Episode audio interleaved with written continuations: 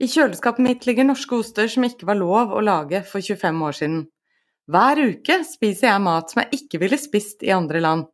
Også derfor synes jeg striden om rå melk er ekstra interessant. Jeg heter Irene Halvorsen, er sjefredaktør i Nasjonen, og i dag er det mandag 23. januar. La meg ta deg med til Kunstnernes hus i Oslo for noen år siden. Arkitektkontoret HRTB hadde julebord og ble servert biff. Maten ble tatt imot med begeistring, bortsett fra hos en som krevde å få kokken i tale. Da han kom, pekte hun på tallerkenen. This meat is still alive. I want my beef properly cooked.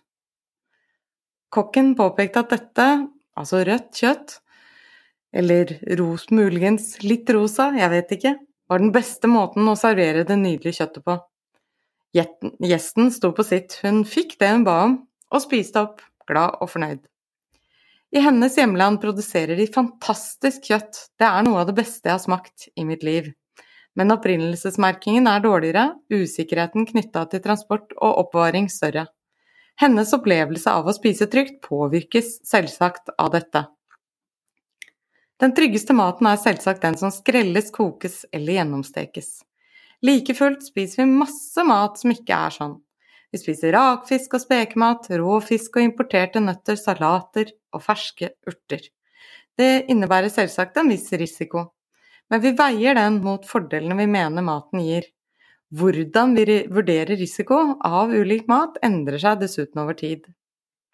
En nyhetssak i Nasjonen om TV 2-programmet Farmen kjendis og deltakere som drakk melk rett fra kua, har satt fyr på debatten om rå melk. Frontene er harde, beskyldningene hagler, også mot nasjonen. Det skal jeg komme tilbake til, men først til stridens kjerne. Hvis vi ser for oss de stridende parter i hvert sitt hjørne av bokseringen, vil du i det ene hjørnet finne Folkehelseinstituttet, Veterinærinstituttet, Mattilsynet og Vitenskapskomiteen for mattrygghet. I det andre hjørnet melkebønder og ystre i verdensklasse, inkludert organisasjonen Norsk Gardsost og Oikos Økologisk Norge. Stridens kjerne er denne. Hvor farlig eller ufarlig er rå melk? Altså melk som ikke er pasteurisert, varmet opp til minst 72 grader i minst 15 sekunder. Farlig, sier myndighetene. Ikke farlig, sier bønder, ystre og andre melkeentusiaster. Myndighetene viser til farlige bakterier som kan finnes selv i helt fersk melk. Bønder og ystre mener det er mulig å unngå dette med streng hygiene, gode rutiner og regler for ubrutte kjølekjeder. Å lage ost og yste på upasteurisert melk ble tillatt i Norge i 2001.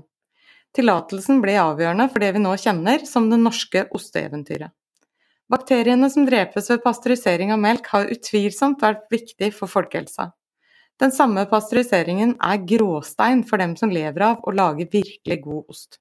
Jeg har ikke oversikt lenger over hvor mange medaljer norske oster har tatt hjem etter at blåmuggosten Kraftkar fra Tingvollost satte tonen som verdens beste ost under World Cheese Awards i 2016.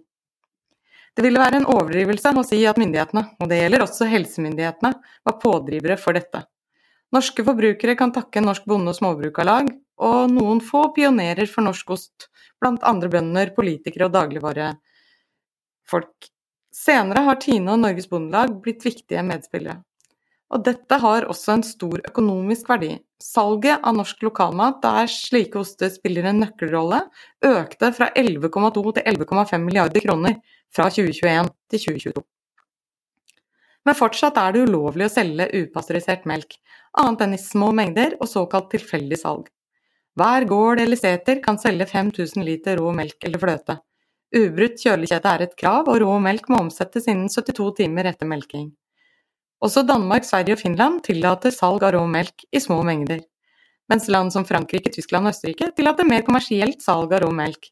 Og flere norske produsenter ser et stort kommersielt potensial her. Mat og drikke kan gjøre deg sjuk.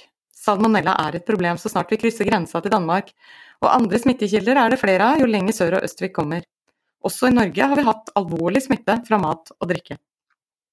Det største utbruddet i seinere tid har faktisk vært knytta til vann, To døde og over 2000 personer ble syke av drikkevannet på Askøy utenfor Bergen i 2019.